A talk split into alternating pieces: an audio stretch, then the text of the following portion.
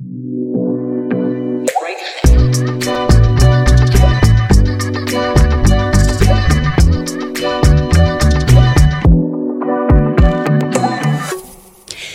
hallå och välkomna till säsongsavslutningen av Break It Live. Det är snart sommar. Vi sänder som vanligt från Dobb Studio här på Birger i Stockholm. Programmet sponsras också som vanligt av Nordea, Telenor och Almi Invest. Jag heter Katarina Andersson. Här kommer veckans rubriker. Starka reaktioner efter Breakits granskning. Alla pratar om femwashing. Startup-killarna cashar in, inga kvinnor. Hon bryter barriärer. Revolution Race går till börsen. Pernilla Nyresten är här. Ja, det är du. Välkommen kvinnan bakom framgången Pernilla Nyresten. Tack, så himla trevligt att vara här. Du, eh, eh, ditt bolag ska ju kliva in på börsen. Ja. Det har vi hört ganska mycket om. Mm. Det är inte en helt vanlig börsnotering. Vad är det som är speciellt med den? Eh, jag är den första kvinnan eh, sedan börsen startades och det är 160 år sedan som är kvinnlig grundar-vd som går till eh, huvudlistan. Fantastiskt, grattis Tack snälla. Mm. Det är dags att bryta glastaket nu så flera kan följa efter och det är det jag verkligen hoppas på här nu. Att, jag blir bara så förvånad alltså. För jag tänker så här, 160 år säger du. Alltså det första... Helt galet. Ja, alltså då blir man ju nästan paff. Är det verkligen så att ingen kvinna som är grundare eh, och har drivit upp ett bolag har tagit sig till huvudlistan. Det är Nej. helt otroligt. Nej, det är helt galet. Mm. Men hur känns det att vara den här kvinnan, att få, få fronta det där? Då? Det är hur roligt som helst och som jag sa, jag bryter glastaket så att flera medsystrar kan komma efter mig här nu. Liksom. För ser de att jag kan så kan de också. Så att, mm. eh, det är bara starten på en ny början. Satsa på att bli förebilden. Eh, och du som vill vill jag säga också att nu har vi Pernilla här och du kan skicka in dina frågor till henne. Eh, varför satsar hon på fritidskläder? Hur var det när hon besökte Mount Everest? Hon är ju sportig också. Ska Revolution Race bli det nya Ikea? nästa stora exportsuccé. Du kan, du kan fråga precis vad du vill, gå in på vårt Instagram, ställ din fråga där, eller gör det i Twitch-flödet eh, på Breakit site. Vi ska gå vidare i programmet. Eh, vi ska alltså prata mer med dig, Pernilla, strax. Men nu till en granskning som Breakit gjorde i veckan. Den fick ett brutalt genomslag kan man väl säga. Johanna Ekström står bakom det här jobbet. Hej på dig, Johanna. Hej. Femwashing, det är det som din granskning handlar om. Men eh, vad betyder det? Ge oss bakgrunden. Ja, men femwashing det är ju inte så himla etablerat begrepp egentligen. Men det kommer ju från greenwashing och greenwashing är ju när företag eh, gärna lyfter sina gröna initiativ och hållbarhetsinitiativ men egentligen inte är så gröna i slutändan. Och femwashing spelar ju på det. Och, mm. Men där är det ju att man använder feminism och femini liksom, eh, female empowerment. Jag har inget bra svenskt ord för det. Men att man använder sådana budskap istället. Och i det här fallet då så är det ju eh, fast det är män som äger bolagen. Mm -hmm. Okej, okay. eh, vilka bolag handlar det om nu igen då, som du har tittat på? Eh, nej men, eh, jag, jag, så här, de jag har tagit upp är ju några exempel på det här. Det här mm. finns ju, det, inte bara, alltså, det finns ju massa sådana bolag. Men vi har ju sett några svenska stora e-handlare, eller liksom e-handlare som har vuxit snabbt, snabbväxare ska man säga, som, som fick oss att börja, hmm, vänta nu, vad är det här? Eh, och mm. de, de, tar upp, de jag tar upp i artikeln är ju bland annat eh, det här eh, träningsvarumärket Stronger och eh, rakhyvelsföretaget Estrid. Mm. Och eh, bara så att vi förstår då, den här, det här exempel på hur man femwashar, vad kan det vara till exempel? Eh, nej men det kan ju vara så här, nej men att man, det är mycket att hur de, hur de i sin eh, marknadsföring kommunicerar med kunderna. De pratar ju mycket så här, ja, vi är din syster, eh, självständig, jämställdhet, slä, låt oss krossa patriarkatet. Mm. Den typen av kommunikation. Eh, det är lite olika. All, liksom Estrid jobbar mycket så, krossa patriarkatet och, och det har varit exempel där de liksom ja, men, eh, lyften ska lyfta vikten av fuck-off-kapital och ja, det, ja, mm.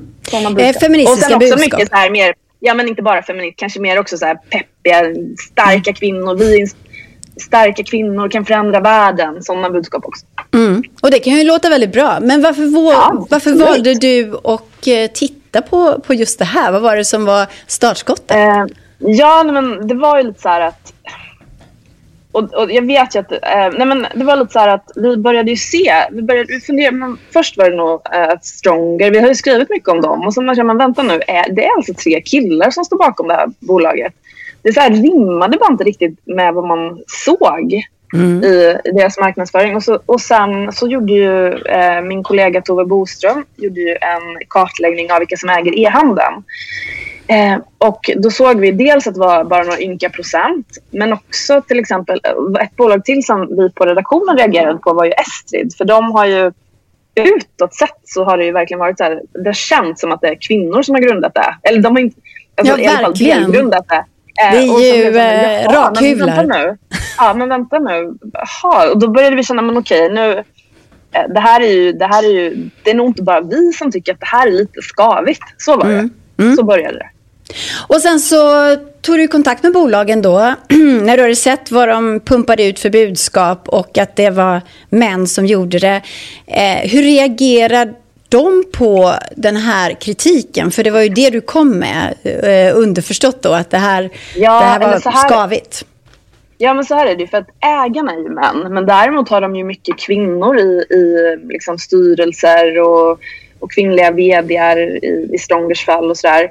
Så det, det, finns ju mycket kvinnor i bolagen men det är ju inte de som sitter på ägandet. Men, men, eh, nej, men jag pratade till exempel med, med Henrik Rundén som är en av medgrundarna till Stronger och han var ju väldigt, jag tycker att han var, det var ett bra samtal vi hade tycker jag. Han var så nej men jag har inte tänkt så mycket, eller han, han menar att det här har inte, han tyckte tvärtom att, nej, men det, att han hade fått feedbacken att nej men vad kul att ni som är tre killar lyfter det här. Eh, och sen så var han ju också väldigt inne på att det, det spelar inte så stor roll vem som äger bolaget utan det viktiga är vad, vad varumärket står för. Det var mm. hans liksom, kärn, mm. kärnbudskap kan man säga. Men eh, den här granskningen har ju fått ett enormt genomslag. Det har pratats massor om den och Breakit har fått massor med nya följare på Instagram. Kvinnor till exempel då, alltså som vi, som vi verkligen vill eh, ska följa oss. Och jag undrar, eh, men om man vänder på den här steken då, vad är det för problem med att bolag som, som grundats och drivs av, av män, ägs av män, kör de här budskapen som lyfter kvinnan. Vad exakt är det här skavet som du pratar om?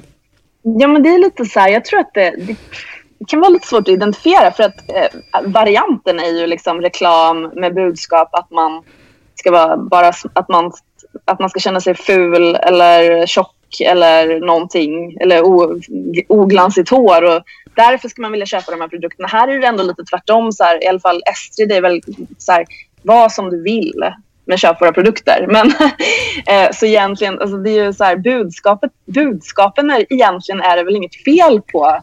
Men det som skavde var väl just det att, att, att, de, att det är män som står bakom men också att de, är lite, att de gör det lite det dolda. Det är inget de skyltar med på hemsidorna utan går man in på deras här om oss-sidor så, så kan man inte hitta den informationen. Mm. Det är inte eh, transparent. Jag tror att det är det. Det är inte transparent riktigt. Jag tror att det är det som kanske skavde en del. Mm, mm. Eh, Pernilla, jag vänder mig till dig också. Du är just ägare mm. till ditt eget bolag. Yes. Och, Tillsammans med Niklas är jag medgrundare. Ja. ja. Eh, vad tänker du om bolag då som Estrid, eh, Stronger, vänder sig till kvinnor, kapitaliserar kan man ju säga på feministiska budskap och peppiga budskap och mm. så. När nästan inga kvinnor äger i det här bolaget? Är inte det egentligen, så som jag ser som entreprenör, jag är väldigt lösningsorienterad. Alltså jag vill gärna lösa problemen. Men liksom, det är ju en samhällsreflektion. Att det är väldigt många män som startar bolag. Eh, och att de liksom kommer med liksom budskap som ska stärka kvinnor tycker jag egentligen är positivt. För det gör ju att männen har ju faktiskt egentligen vaknat till också. Mm. Eh, det hade skavt för mig åtminstone ännu mer om det var budskap som är svårt för en kvinna att leva upp till. Att man, att man ska sträva efter ett ideal som är nästan o, ouppnåeligt rätt. Ja, är ni med? Alltså, ja. Det är min take. Så jag tror liksom att det är viktigt att vi eh, genom att lyfta de här frågorna som ni gör så bra eh, börja jobba på att hitta lösningar på problemet. Mm. Har du någon lösning kanske? Nej, men alltså, så som jag ser det så tror jag dels är det bra med liksom, förebilder, eller inspiratörer tycker jag nästan är ett bättre ord, för förebilder är lite liksom, högsträvande enligt mig.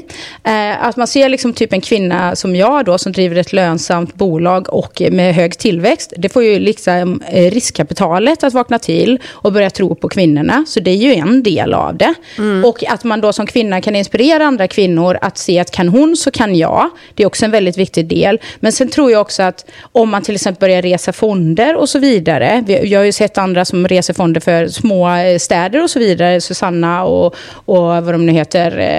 Eh, vad heter hon, den andra? Sara tror jag. Uh-huh. Eh, och det är kanske är dags att det reses en fond som faktiskt bara satsar på kvinnliga grundare. Och där kan jag säga med de pengarna som jag har eh, lyckats skrapa ihop så hade jag ju varit en given att försöka satsa på en sån fond. Jag kan ju inte driva det med tanke på att jag driver Revolution Race, men jag hade absolut gått in som affärsängel. Så att, eh, jag, det, det är så jag ser på ja, saken. Ja. Så du brinner också för kvinnligt eh, företagande, alltså grundare? Ja. Det är klart, vi behöver ännu mer eh, inspiratörer, tycker jag är väldigt bra. Liksom från olika bakgrunder, etniciteter, åldrar. Eh, vi behöver få fram ännu mer kvinnor lyfta fram ännu mer. Och eh, jag känner Stronger-killarna. Jag, jag, förstår hur de resonerar. Jag vet också att i början att de hade planer på, det är också en sak som vi behöver prata lite om tycker jag, liksom, att de ville starta för män också. Mm. Men de lyckades inte nå igenom på eh, liksom, manskollisionen så att säga. Utan det var kvinnor som handlade online. Mm -hmm. Och det gör ju också att det blir ett litet problem kanske då. Så, mm. så att i deras fall så, så tror jag inte att det var liksom ett medvetet eh, val. Men det är starkt av dem ändå att ha liksom en kvinnlig vd. Det visar ju ändå att de tror på kvinnor tycker jag. Ja. Johanna, eh, det har ju kommit enorma reaktioner på den här granskningen. Hur skulle du, eh, hur skulle du beskriva de reaktionerna? Jag skulle säga att de till 99 procent har varit positiva, i alla fall det som har nått mig. Det har varit, jag har aldrig varit med om det här som reporter, att jag har fått så otroligt mycket kommentarer och mejl. Det har, nej men, det, har, det har varit mycket kvinnor men också män. Det är mycket, jag har fått mycket så här, tack, tack, tack, liksom. tack för att ni lyfter det här. Tack, mm. äntligen. Och jag tror att det är något som, som många kanske då mm, har gått och kanske känt lite men inte riktigt satt ord på. Så, så, så är känslan som jag har fått. Men mm. sen har det ju också, sen har det varit en man, men jag tycker att det är också, när man har sett kritik, då är det nästan allt bara män faktiskt som har lyft det. Och, det, och jag kan förstå att, ja men vadå, och det är mycket så här, ska inte män få vara feminister? Lite så är ju kritiken. Mm. Eh, en man som har kritiserat den här granskningen är Bo Mattsson som faktiskt eh, också har investerat i Breakit. Eh, han hörde av sig till oss och och eh, han skrev då i sitt mejl Enklast uttryckt så tror jag inte vi stärker kvinnor genom att förminskliggöra dem till offervilliga våp utan eget ansvar och agens eller genom att hjälpa till att driva en tydlig aktivistisk identitetspolitisk agenda. Det är en återvändsgränd av rang, skriver han. Vad är det han inte har förstått här då, tycker du? Eller mm. jag kan säga så här, eh, eh, jag förstår inte vad han menar tror jag. Jag tror vi pratar nog olika språk. men, men jag tycker att jag förstår, eller en grej jag inte förstår är, för att, jag menar, om man tittar på reaktionerna jag har fått från kvinnor, från kvinnliga för, alltså det är jättemycket kvinnliga entreprenörer som har hört av sig till mig och alla säger tack. Då tror jag att, eh, att eh, jag vet inte riktigt, då tror jag att där, det tänker jag är ganska talande och också mm. hur, hur extremt stor spridning det har fått i sociala medier väldigt mycket. Och det är inte så här vem som alltså det är ju ja, det är kvinnliga entreprenörer som delar det här och känner mm. igen sig. Så jag, jag, jag tycker inte att, och jag, jag, tror inte att någon av dem känner att vi gör kvinnor till våp i den här artikeln. Skulle jag, eller det, har jag, det har jag, håller jag inte med om riktigt. Och det andra, att vi driver någon slags identitetspolitik vet jag inte om jag riktigt förstår vad han menar. Mm. Samtidigt som Pernilla säger... Men det är jättekul att han får... Alltså det är jätte, det är jättekul att få höra det, sådana saker också. Jag förstår. Alltså det är så här, jag, folk det är, liksom, det är kul att skapa debatt. Ja, och mm. vi har fått reaktioner också, varför inte hylla de här männen istället för att, att trycka ner dem på det här sättet och så. Eh, och det kan man ju också förstå. Men i alla fall en granskning som har slagit an en nerv och som har fått diskussionen att börja rulla. Och det är kanske det som, som är det viktigaste, eller hur Johanna? Hur ska du ta det här vidare då? då? Eh, nej men jag, jag känner att jag, be jag behöver hinna svara på alla mejl. Förlåt ni som mm. tittar som jag inte har svarat på än. Eh, och jag behöver liksom vila lite tror jag men, och, och fundera lite. Men vi kommer ju fortsätta. Det, det känns som att vi har verkligen hittat något viktigt som många, många tycker är viktigt och som vi såklart kommer fortsätta lyfta och mm. granska. Och stay tuned. Stay tuned, Johanna is back. Du återgår till eh, konferensen där som Breakit har, yes. Smid på, på nästa stora scoop. Och tack så jättemycket för att du var med. Johanna Ekström, alltså Breakits reporter, som ah. står bakom den här granskningen. Nu så går vi vidare. Det ska handla om hur man gör när Google knackar på dörren.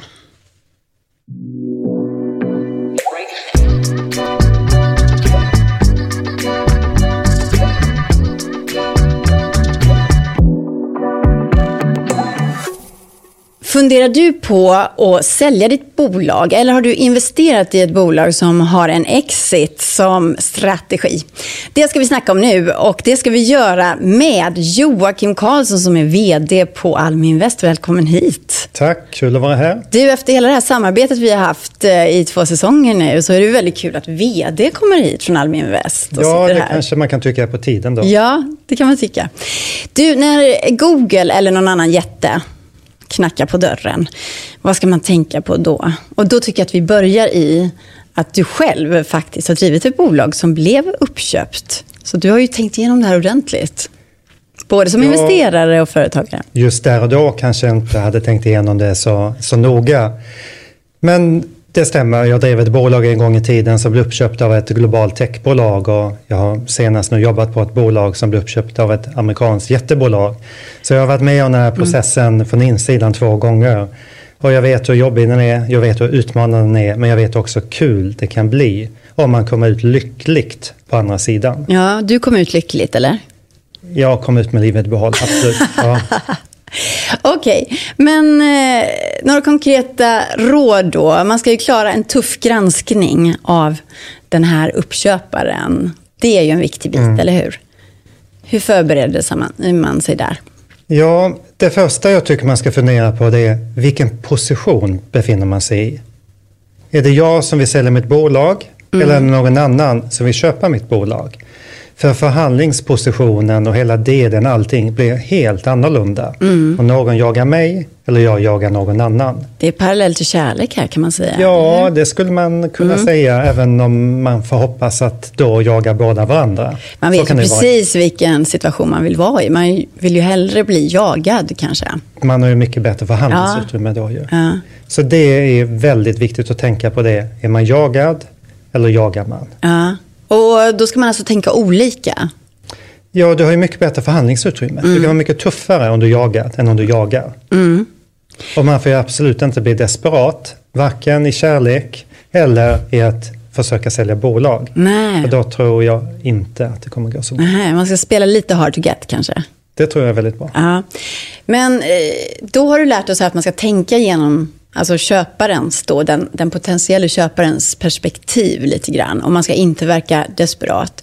Men om man ändå vill sälja bolaget, då måste man ju ändå på något sätt mm. närma sig och söka upp, eller? Men det här perspektivet du är inne på, det är väldigt viktigt. Mm. För värdet på ditt bolag är inte vad du tycker det är, utan värdet på bolag är vad köparen tycker det är värt. Mm. Och det kan vara olika beroende på vad det är för köpare. Mm. Är det en väldigt bra anpassning, då kan bolaget vara rätt mycket. Men passar det inte in alls, då är det inte värt någonting. Ah, så då är vi inne på att göra sig attraktiv för den som man vill ska köpa Precis, och det kan bolaget. se väldigt olika ut mm. beroende på vilken köpare det är. Det kan vara ett jämstort bolag, det kan vara ett bolag som letar ytterligare produkter, ett bolag som vill ha ytterligare vinst. Mm. Så att det ser lite olika ut och man passar lite olika ihop med olika bolag. Vad är knepen där då? Om man vill göra sig attraktiv för ett annat bolag? Ja, det knepet jag använder som fungerar väldigt bra och kanske fortfarande fungerar bra, det är att man, eh, man stjäl, man jobbar med stöld. Man tar, man, man tar kunder från de potentiella köparna. Ah. Och tar man kunder, då tar man affärer. Det visar att man är duktig på sälj, man har bra produkter och kunderna vill ha dem. Och då kan man också reta upp de här potentiella kandidaterna. Ja. kanske de vill köpa. Ja, Okej, okay. så reta upp dem lite lagom då liksom? Inte så de blir ursinniga? Nej, det kanske inte är så bra. Men parallellen till kärlek, det kan ju också vara att man går till sängs med dem på något sätt. Ja. Till exempel med partnerskap, man blir återförsäljare eller de blir återförsäljare eller någonting mm. annat. Så att de får se hur fantastiskt bolaget är. De får prova lite grann innan de köper. Det är också bra. Du pratar om ren och skär slughet här alltså, när, när det gäller att göra sig attraktiv. Ja, i grund och botten så måste du naturligtvis ha ett bra företag. Det måste leverera, det måste växa, det måste skapa nytta. Du måste ha kunder som tycker om dig och tycker om dina produkter och är redo att betala för det hela. Men precis som i övriga livet, man måste vara lite street smart. Mm. Du, eh, om vi backar lite, då när man håller på att bygga det här bolaget som man då kanske vill sälja eh, och så tar man in investeringar under vägen. Hur, hur tänker du kring det och gjorde du det också? Ja, i båda de här bolagen som jag nu har syftat på när det gäller vår uppköpsprocess så har vi haft externa ägare. Mm. Och det är ju viktigt, om man nu har ett bolag som man ska bygga upp och man tror någon gång man kommer att sälja det, då vill man ju ha ägare med som inte bara ska köpa aktier till ett vettigt pris och hjälpa till, men också ägare som man vill ska sälja aktier till ett vettigt pris och hjälpa mm. till i den processen. Så det gäller att man hittar harmoni i ägargruppen, både när man tar in kapital och när man ska sälja sitt bolag. Mm. För att komma folk in på fel värderingsnivå och liknande, ja, då kanske inte de vill vara med och sälja bolaget. Nej. Och då blir det inte så kul i leden. Nej, så där ska man vara lite försiktig då. För att investerarna kanske förväntar sig mycket mer än jag som grundare. Om jag får 20 miljoner för några års jobb så kanske jag tycker att det är helt okej. Okay. Det kommer investeraren aldrig tycka, kanske. Nej, man måste vara lite street smart här också. Mm. Att det, det, är klart att man vill gärna ta in pengar på så hög värdering som möjligt. Mm. Säg att du tar in pengar på en värdering på 200 miljoner. Då kanske den under grundare har 10-15 procent. Det är väldigt mycket pengar. Men kommer då ett bud på säg 220, ja, då kanske de här investerarna som har investerat på 200 tycker nej, vi vill vänta. Då blir det konflikter. Då kan det bli konflikter. Mm, mm. Så det, man måste hantera sina investerare, sina ägare klokt, street smart hela vägen för mm. att man ska kunna få som man vill.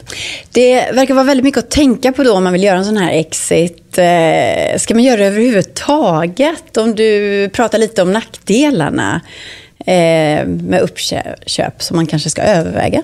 Ja, det är inget självändamål att man ska sälja sitt bolag. Eh, jag skulle gissa att majoriteten av alla som startar bolag startar bolag för att man vill starta bolag mm. och driva bolaget själv för du, det är kul, det är spännande, det är utmanande, det är svårt, man lär sig mycket, men man har också väldigt mycket frihet. När man blir uppköpt, ja, då tappar man den friheten. Väldigt ofta. Mm. Någon annan kommer in, någon annan bestämmer, någon annan sätter kanske strukturen och då kanske inte lika kul längre. Å andra sidan så finns det förstås en finansiell uppsida. Mm. man och, kan bli eh, rik som ett troll. Ja. det blev väl du? En, en del blir det naturligtvis ju. Men eh, de flesta blir inte det. Men det kan ju ändå bli en liten slant på banken förstås. Mm. Som, kan, som kan hjälpa till här i livet. Så den sidan är väldigt positiv. Den tredje man ska fundera på det är om man vill jobba kvar när man blir uppköpt. Om man nu blir uppköpt av en, ja, ett större bolag till exempel. Hur fungerar den här kulturen? Mm. Är det kul att jobba ihop? Fungerar det? det? Man tappar sin frihet. Du sa att du blev uppköpt av en stor eh, amerikansk jätte en gång. Hur var det att få in den kulturen? Om du jobbade kvar då alltså? Ja, första bolaget var då ett globalt techbolag. Uh. Och eh, vi hade lite tur för vår produkt var liksom den som skulle förnya organisationen. Mm. Så att eh, vi fick mycket uppmärksamhet internt. Men det var ju alltid svårt. Jag som var vd var van vid att eh, kunna bestämma ganska mycket själv. Jag kunde ju inte det längre. Nej.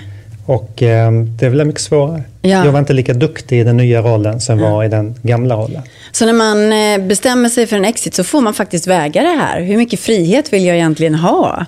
Ja, precis. Alltså, jag får en finansiell mm. uppsida, mm. absolut. Men jag måste också deala med en massa nya kulturella förändringar om absolut. jag ska vara kvar. Mm. Och de bolagen som köper upp ditt bolag, de kommer lova väldigt mycket. Det kommer vara väldigt mycket gröna, guld och gröna skogar. Ah. Och man måste ta det lite grann med en nypa salt. Okay. Eh, Okej, okay, så eh, nu har vi verkligen fått en massa, massa bra tips av dig. Men har du ett sista råd, så smäll till. Ja, bygg bra bolag. ja, men det är ja. grunden till allting. Ja.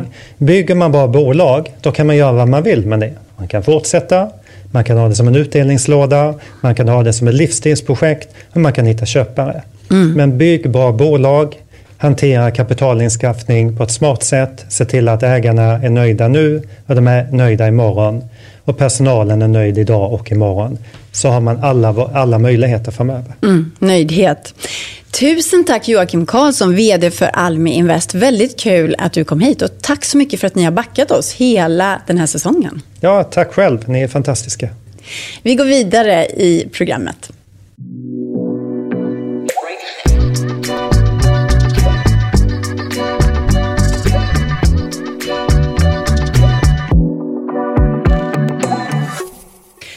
Nu till eh, Pernilla Nyrehed som är grundare och vd för framgångsrika Revolution Race som säljer glada fritidskläder. Nu är allt ljus på dig här resten av programmet. Och eh, du är alltså den första kvinnliga grundaren och vd som tar sitt bolag till finbörsen i yes. Sverige någonsin. Det, det, är väl ingen som kunde tro det när man stod med tovitår och, och skit under naglarna i pappas garage brukar jag säga. Liksom, att man ska få ta sig in i finrummet liksom. Eh, så det är ju så himla roligt att bryta glastaket nu verkligen. Mm. Du, eh, du är ju gott sällskap med sådana som Steve Jobs och Woz och eh, Jeff Bezos och hans eh, fru McKinsey. Allihop de här framgångssagorna, de startade i ett garage. Och du nämnde pappas garage här. Yes, han hade dessutom dubbelgarage. Så att, eh, vi kunde liksom läsa på med varor där, jag och Niklas. Liksom. Jag minns mm. att han tog tidigt en bild på mig. Och jag ville inte att han skulle ta den bilden, just för att jag hade skitigt hår och, ja. och liksom allt det där. Men han sa, en vacker dag kan den vara värd något. Och det blev ju, det blev ju faktiskt så. Ah, vad spännande, var finns den här bilden? Det, den har cirkulerat ganska mycket. Den var med bland annat i Nyhetsmorgon för några veckor sedan. Och det är väldigt många som älskar att se att man som entreprenör faktiskt är self-made då. Att mm. man har slitit hela vägen liksom, från mm. ett skitigt garage till finrummet då.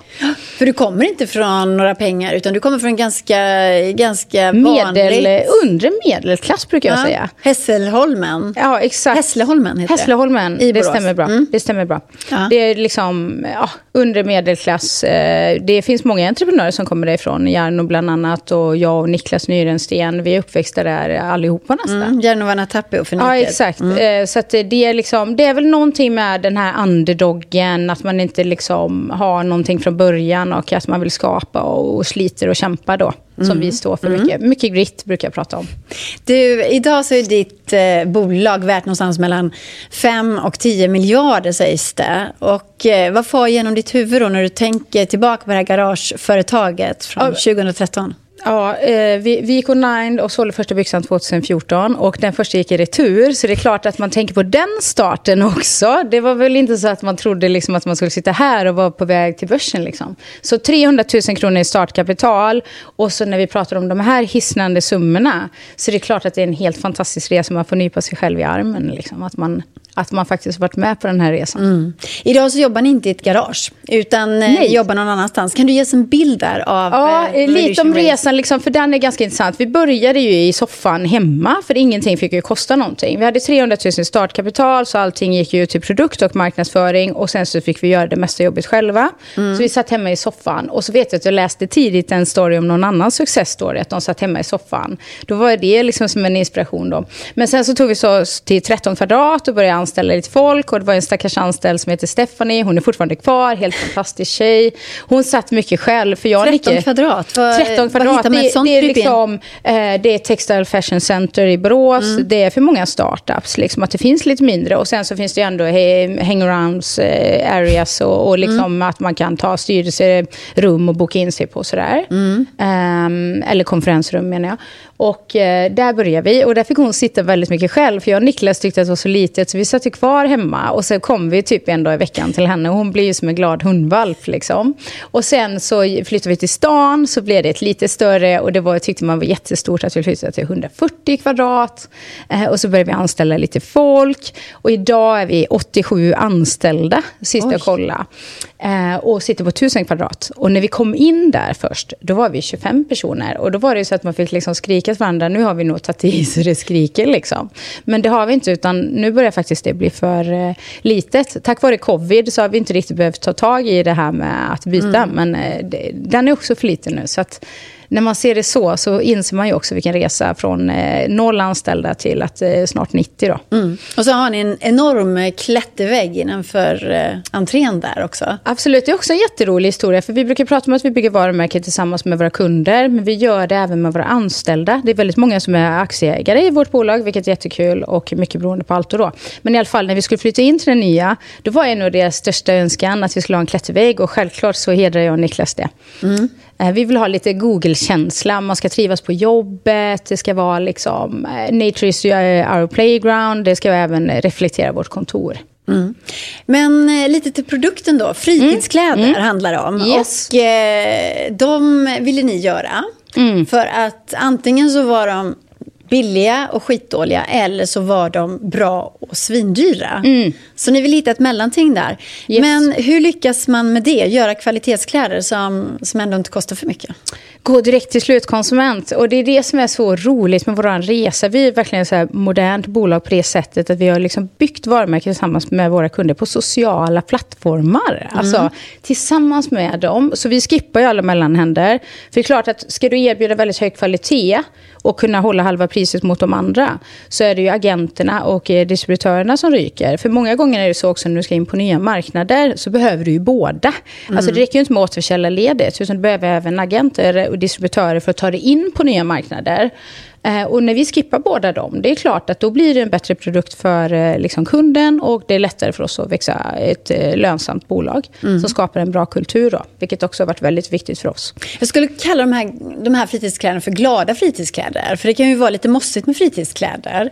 Men ja. ni gör dem väldigt glada med mycket färg och sådär. Mm. Eh, där fick ni tipset om att inte göra det av någon investerare. Ja, men det är väl ofta så att när man ska bryta ny mark liksom, eller man tänker på ett nytt sätt så är det kanske inte alla som är där då. Så att eh, Borås är ju liksom 11 000 företagare, det är en enormt fin kultur. Men de trodde väl inte riktigt på det mycket på grund av att det är en ganska konservativ bransch. Medan jag trodde, jag och Niklas trodde väldigt mycket på det här färgglada, naturen är färgglad i sig själv. Vi såg det här lite mer fåfänga samhället, alla springer runt och tar kort på sig själva.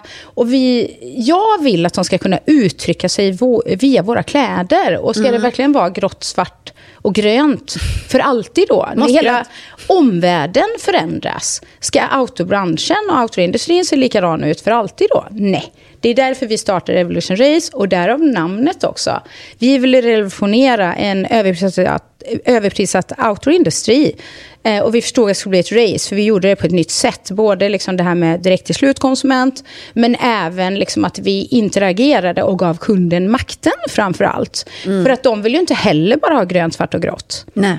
Det var ju återförsäljarna som var liksom väggen mellan varumärkena och eh, kunden egentligen. Och då kunde vi komma in, inte bara liksom att bygga bolag på ett eh, annat sätt, utan genom att fråga dem vad de ville ha. Och de faktiskt kunde få svara på det. Och vi tog fram det till dem. Och sen det sålde, så visar det återigen att kunden har ju faktiskt alltid rätt. Mm. Hur stora kan ni bli då med den här revolutionerande produkten på just fritidskläds Nej, nej, men alltså med det här kundfokuset, att se till att kunden får en eh, kundupplevelse utöver det vanliga. Liksom vi tar hand om våra kunder, vi är väldigt transparenta, de kan läsa enstjärniga recensioner och femstjärniga. Vi finns där, svarar på frågor, fångar in deras behov och förväntningar på en global scen. Mm. Det är klart att då finns det oändliga möjligheter. Så länge du är kundfokuserad eh, så borde du kunna ha en bra business. Mm. Älskar du själv sociala medier och finnas där för kunden och, och vara med själv? Eller eh, outsourcar du det till din sociala medier-avdelning? Det är klart att när vi är liksom 90 anställda så är det inte jag som sitter och gör det. Vi har massa kompetenta människor. En sak som också är roligt med Revolution Race det är att vi är som en trotsig tonåring. Vi kan allt själva.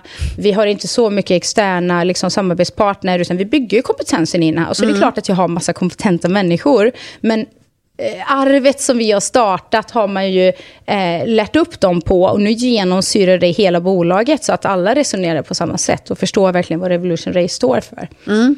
Men eftersom det är lite speciellt att du är en kvinna med ett bolag som ska till finbörsen. Yes. Då tänker jag så här, då kan du dra nytta av det i, eh, i din marknadsföring för eh, Revolution Race också eftersom du är sportig.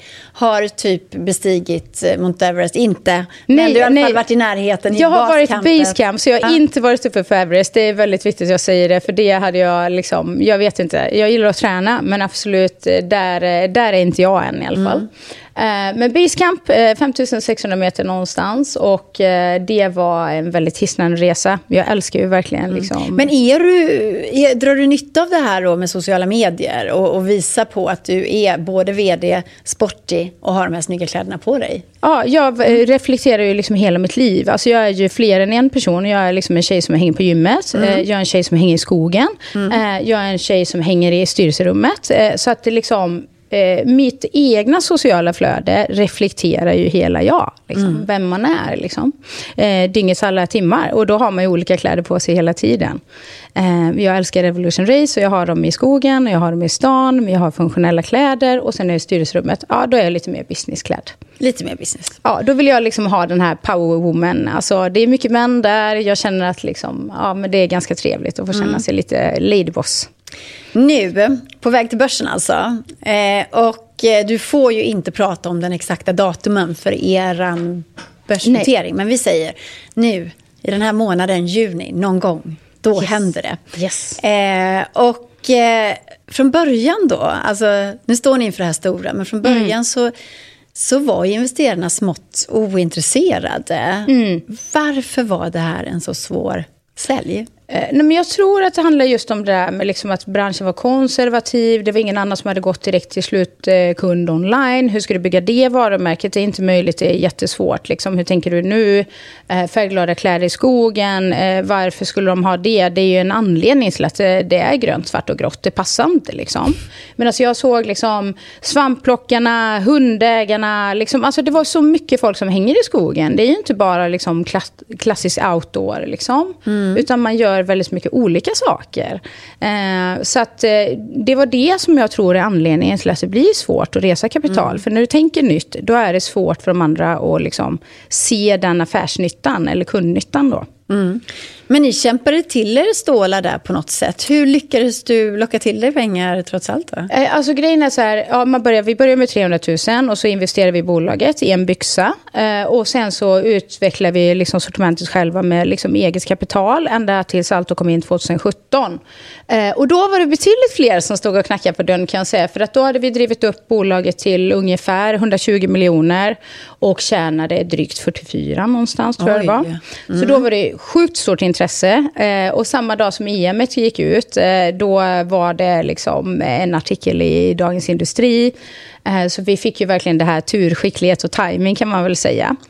Eh, och till slut så valde vi Alto då. Och det är ju verkligen en anledning också. De stack ut i den processen och vi hade samsyn.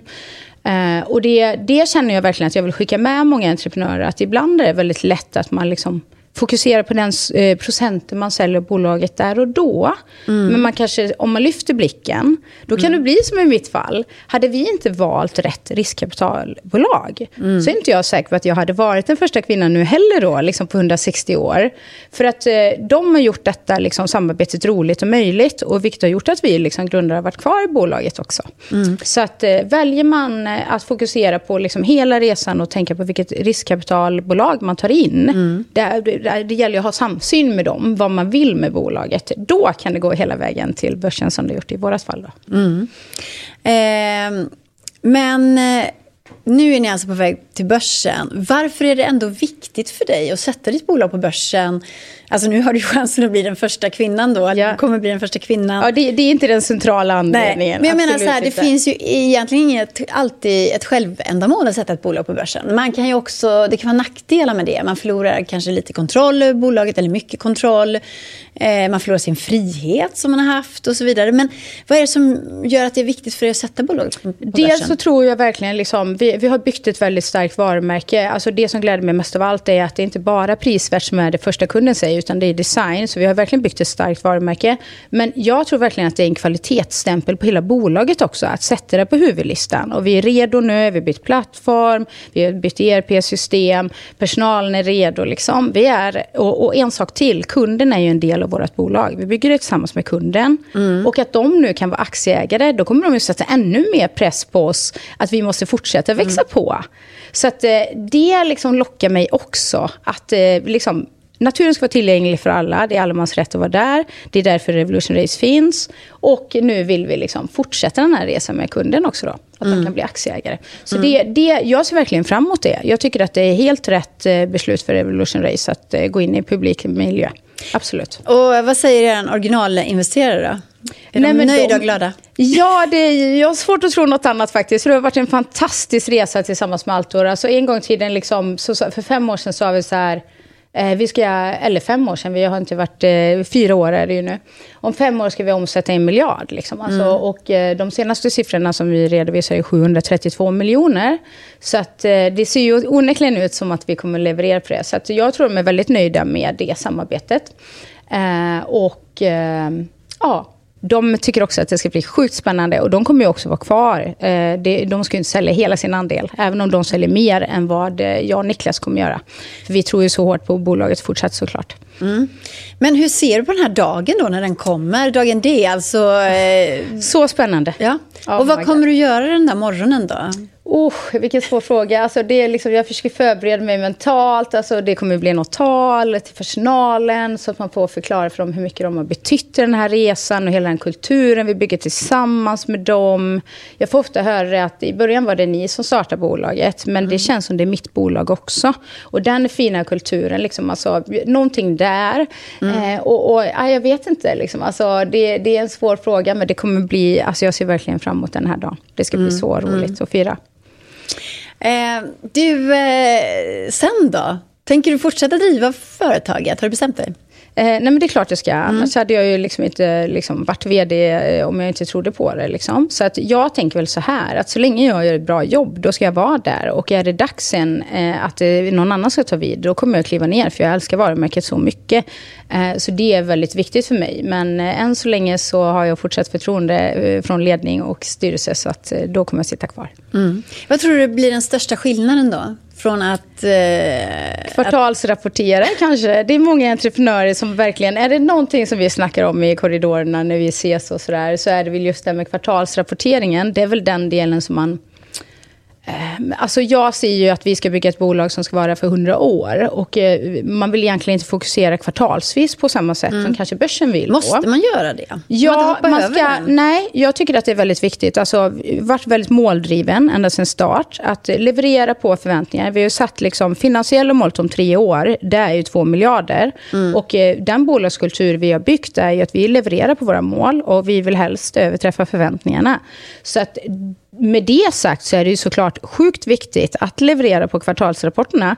Men det är väl den delen som man inte ser framåt lika mycket, för den är inte lika framåtblickande helt enkelt. Mm. Den är ju så liksom kortsiktigt mm. eh, sätt men, att tänka men på ett bolagsbygge. Men då? Alltså när du inte då själv äger hela bolaget, liksom, kommer du att Eh, kommer någonting förändras i din attityd, tror du? Nej, jag tycker inte det. Liksom, du har ju inte gjort det, för det var ju liksom bevis Alto då. Liksom, de kom in och köpte 45 procent och sen typ ett och ett halvt senare så nyttjade de sin option och kunde köpa in sig mer. Och sen är det klart att vi har management och sånt där. Jag tror de ligger på 61 procent eller någonting nu. Mm. Det har ju inte förändrats någonting från eh, liksom att de blev majoritetsägare. Så att egentligen och jag och Niklas har ju planerat att behålla merparten av våra aktier. Vi har ju 34 procent. Eh, men det är klart vi kommer att sälja av lite grann. Så att i så fall hade ju den synen förändrats för länge sedan menar jag på. Så att jag ser inte att det är någon större skillnad um, i ägandet. Utan det viktigaste för mig är att säkerställa att bolaget kommer före mm. eh, något eget eh, ego om man mm. säger så. Mm. Så länge jag gör det bra så bör jag vara där. Och gör jag inte det så kommer jag kliva åt sidan. Liksom. Eh, det är det jag vill förmedla. Men för egen del så har det ingen betydelse om jag har 34 eller 24 mm. eh, procent kvar i bolaget. Alltså du kommer fortsätta att driva bolaget, vara mm. vd. Eh, du kommer vara ganska mycket rikare antagligen. Och du pratade tidigare här om att jag skulle gärna vilja satsa pengar i en fond för, som satsar på kvinnliga bolags byggare. Ja, och det jag menar med, jag vill verkligen förtydliga, mitt fokus är Revolution Race och inget annat. Men tack vare att jag har samlat ihop lite pengar tillsammans med Niklas, så, så vill man göra bra saker. Eh, liksom. Och då skulle det väl varit fantastiskt bra om man kunde vara med och bidra med pengar för att driva typ en sån fond. Men det kommer inte vara jag som driver frågan. Men om det är någon som gör ett riktigt bra jobb och kommer med liksom en riktigt bra idé och tanke bakom den där fonden, så skulle jag absolut kunna tänka mig att vara med och resa kapital. Men jag kommer inte vara den som driver den fonden. Liksom. Mm. Eh, hur viktiga är du, tror du, du och Niklas, för företaget? Så säg att ni liksom eh, faktiskt vill checka ut sen, göra något helt annat. Finns Revolution Race i väggarna på företag? Du pratade om anställda som sa att jag känner Absolut. att det är mitt bolag också. Eller? Ja, exakt. Alltså det är liksom, vi bygger bolag tillsammans med våra anställda. Vi bygger bolag tillsammans med Altor. Vi bygger det tillsammans med kunderna. Och i, när de kom in så var det mycket mer risk i liksom att det var mycket jag och Niklas. För då var vi liksom 15 eh, personer eller någonting. De var ju fantastiska de också. Men just det här, nu är ju bolaget redo. De är inte lika beroende. Självklart är vi viktiga för bolaget och bolagskulturen. Men liksom hur vi resonerar och ser på Revolution Race. Vi kan mycket själva. Det är viktigt med med både lönsamhet, tillväxt och kundnöjdhet. Det sitter i väggarna och den kompetensen finns genomsyrar hela bolaget. Så på det sättet så är inte bolaget lika beroende av oss idag. Och Niklas gör ju helt fantastiska produkter. Men han har ju lärt upp sin produktavdelning. För all design kommer ju från oss. Mm. Och det är kul också för det är många bolag som bygger liksom med, med konsulter och så vidare. Men vi har ju byggt kultur, kulturen kanske vill liksom kunden och allt det där. Och det sitter verkligen i väggarna nu. Så att bolaget, jag hade inte satt det på börsen om inte jag resonerar så faktiskt. Mm. Men hur kommer ni gå vidare efter börsnoteringen? Ni kanske får andra krav på er som ni inte vet. Men vad har du för nytt mål? För just nu är målet att gå till börsen. Och sen då? Eh, men alltså jag kan säga rent historiskt så har jag flyttat målen hela tiden. Jag är väldigt tävlingsinriktad. Det är viktigt att do good, be good. Det är liksom det första. Liksom. Kundnöjdhet, personalnöjdhet, bygga en bra kultur eh, och sådär. Men flytta mål, alltså väldigt målinriktad. Det kan man ju vara tävlingsinriktad även om man vill göra gott. Eh, och det är jag. Så, så fort ett mål är uppnått så ska nästa mål uppnås. Och mm. Eh, jag vill hellre överleverera än underleverera. Och det är också genomsyrar hela bolaget. Så eh, svaret på din fråga är, vi kommer sätta upp nya mål löpande hela tiden. För det är mm. roligare att springa framåt och uppåt då. Du har ju sagt någon gång att ni vill bli som Ikea, alltså nästa stora svenska exportsuccé. Hur ska ni nå dit? Eh, nej men alltså genom att göra kunderna nöjda på en global marknad eh, och vara väldigt fokuserade och liksom förstå att det är framdrift som gäller. För jag mm. tror verkligen på att man måste utveckla sig. Vi har byggt eh, bra att vi är duktiga på sociala medier och kundnärhet, men det är ju en konstant framåtrörelse som krävs. Så att genom att liksom ha eh, kunden i fokus, lyssna och fortsätta utveckla bolaget framåt och aldrig stanna upp och vara nöjda med det vi åstadkommit. Utan att förstå att vi också måste utvecklas. Då kommer vi leverera på det. Mm. Och det är väldigt viktigt att göra högkvalitativa produkter. Svenskar är kända för det. Ikea har gjort det väldigt, väldigt bra. Eh, det är många som känner till deras produkter. Och vi bygger ju liksom Revolution Race-produkter lika starka som vi bygger Revolution Race. Som mm. till exempel en billig bokhylla. Eh, Revolution Race har ju liksom produkter som har varit sedan start start. Alltså mm. det är mm. running assortment på lite samma sätt. Det tror jag också kommer hjälpa oss, för att kunderna har ju lärt sig att älska både produkterna och varumärket. Mm. Och sen har vi ju dem mycket i sociala medier. Vi använder kundens content, vilket gör att det blir väldigt äkta och eh, lokalanpassat. Mm. Eh, det gör ju att man också kan identifiera sig mer med oss som varumärke. Pernilla Nyrenhed, den nya Ingvar Kamprad. Nyrensten. Nyrensten, förlåt ja. mig. Den nya Ingvar Kamprad kanske. Ja, man får hoppas. Man får hoppas. du, det har kommit in en massa tittarfrågor också. Ja, vad kul. Är du beredd? Mm. Eh, Kajsa undrar, när kände ni att det här var tiden att tänka på börsen och varför? Eh, när vi tänkte på börsen första gången. Nej, men alltså det var väl det här med liksom plattformsbyte, nytt ERP-system. Eh, vi har flyttat till ett nytt lager. Vi, vi är tillräckligt många anställda. Det, ja, där någonstans. Att vi mm. kände liksom att vi har satt grunden. Plus också att vi har tillväxt i så många marknader. Så det var väl typ förra året då. Jaha, det var så mm. pass nyligen. Ni ja. har inte verkt på det jättelänge då? Nej, alltså. alltså det var ju en del. Vi sa att en av möjliga vägar tillsammans med Altor eh, redan för fyra år sedan var att vi kanske skulle kunna ta oss till börsen. Så det har ju funnits där i bakhuvudet hela tiden när vi hållit på att bygga mm. från vad vi var då tills vad vi är idag. Um, så det, det, är klart att det varit en del av planen, men den var inte självklar förrän för ett år sedan. Mm. Pimmen undrar, vad är det för fördelar och nackdelar med att vara en entreprenör i Borås? Eh, fördelen är ju att det är en bolagskultur där det finns otroligt mycket kompetens, närhet till Göteborg eh, och liksom attrahera. Eh, kulturen är att det är möjligt att bygga bolag och allt det där. Så det finns ju hur mycket kompetens som helst.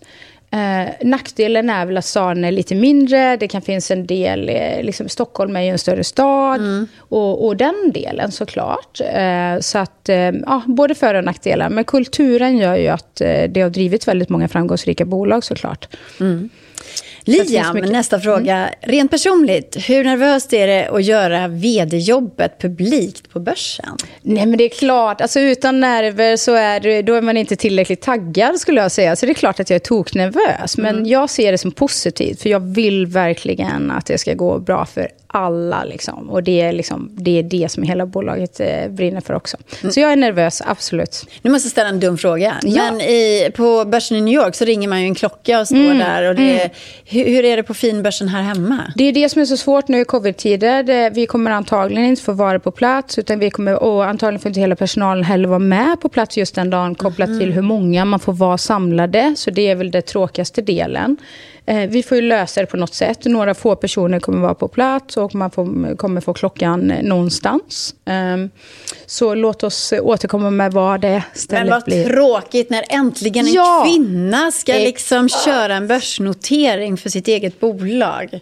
Jag hade älskat att vara där. Alltså. Och så får man inte slå på stora trumman. Attans också. Kan inte ja. flytta ut börsen någonstans? Till Djurgården eller vara ute på någon åker, vad som helst. Liksom. Det här känns ju skittrist. Det känns som att det ska vara jättemycket folk, tycker jag. Jag, jag, jag vill också äh? det. Alltså, liksom, vi vill bli lika tillgängliga som liksom, Ikea, som jag sa. Och det är liksom allemansrätt, Revolution Race ska finnas i varenda garderob och liksom bli lika folkliga. Liksom. Mm. Det är mm. klart att man hade velat göra en jättefest av det. Covid ställer ju till det lite, så jag hoppas verkligen att så fort det är över, då jäklar alltså, då ska ni få se på en riktig fest. Liksom. Ja. Då ska vi göra allt vi kan för att bjuda in alla som vill komma och göra något riktigt stort och roligt event. Eh, Mossambollan, eh, alltså en eh, signatur här, undrar eh, vilka bolag, vilka är coola bolag i Sverige tycker ni eh, som baserar sig på forskning? Jag tycker ju liksom hon Mona eh, Seid och deras eh, syster, hon är så cool. Men alltså vilket bolag hon har vet jag inte. Men det är en väldigt inspirerande människa måste jag säga, liksom, inom forskning. Mm. Uh, uh, jag tycker det var en svår fråga faktiskt. Ja. Alltså, jag är lite mer kunnig inom e-handel, men alltså, den kvinnan tänker jag mycket på. Mona, eh, efternamnet tycker jag är svårt. Uh, du vet, Said och, ja, ja, Ashkans. Doktor, ja, just det. Mm. Doktor Mona, Mona, hon mm. är ju grym. Mm. Alltså. Mm. Riktigt grym. Jättebra. Okej, vad ska du göra efter det här då? Efter Break It Live? Gå ut solen?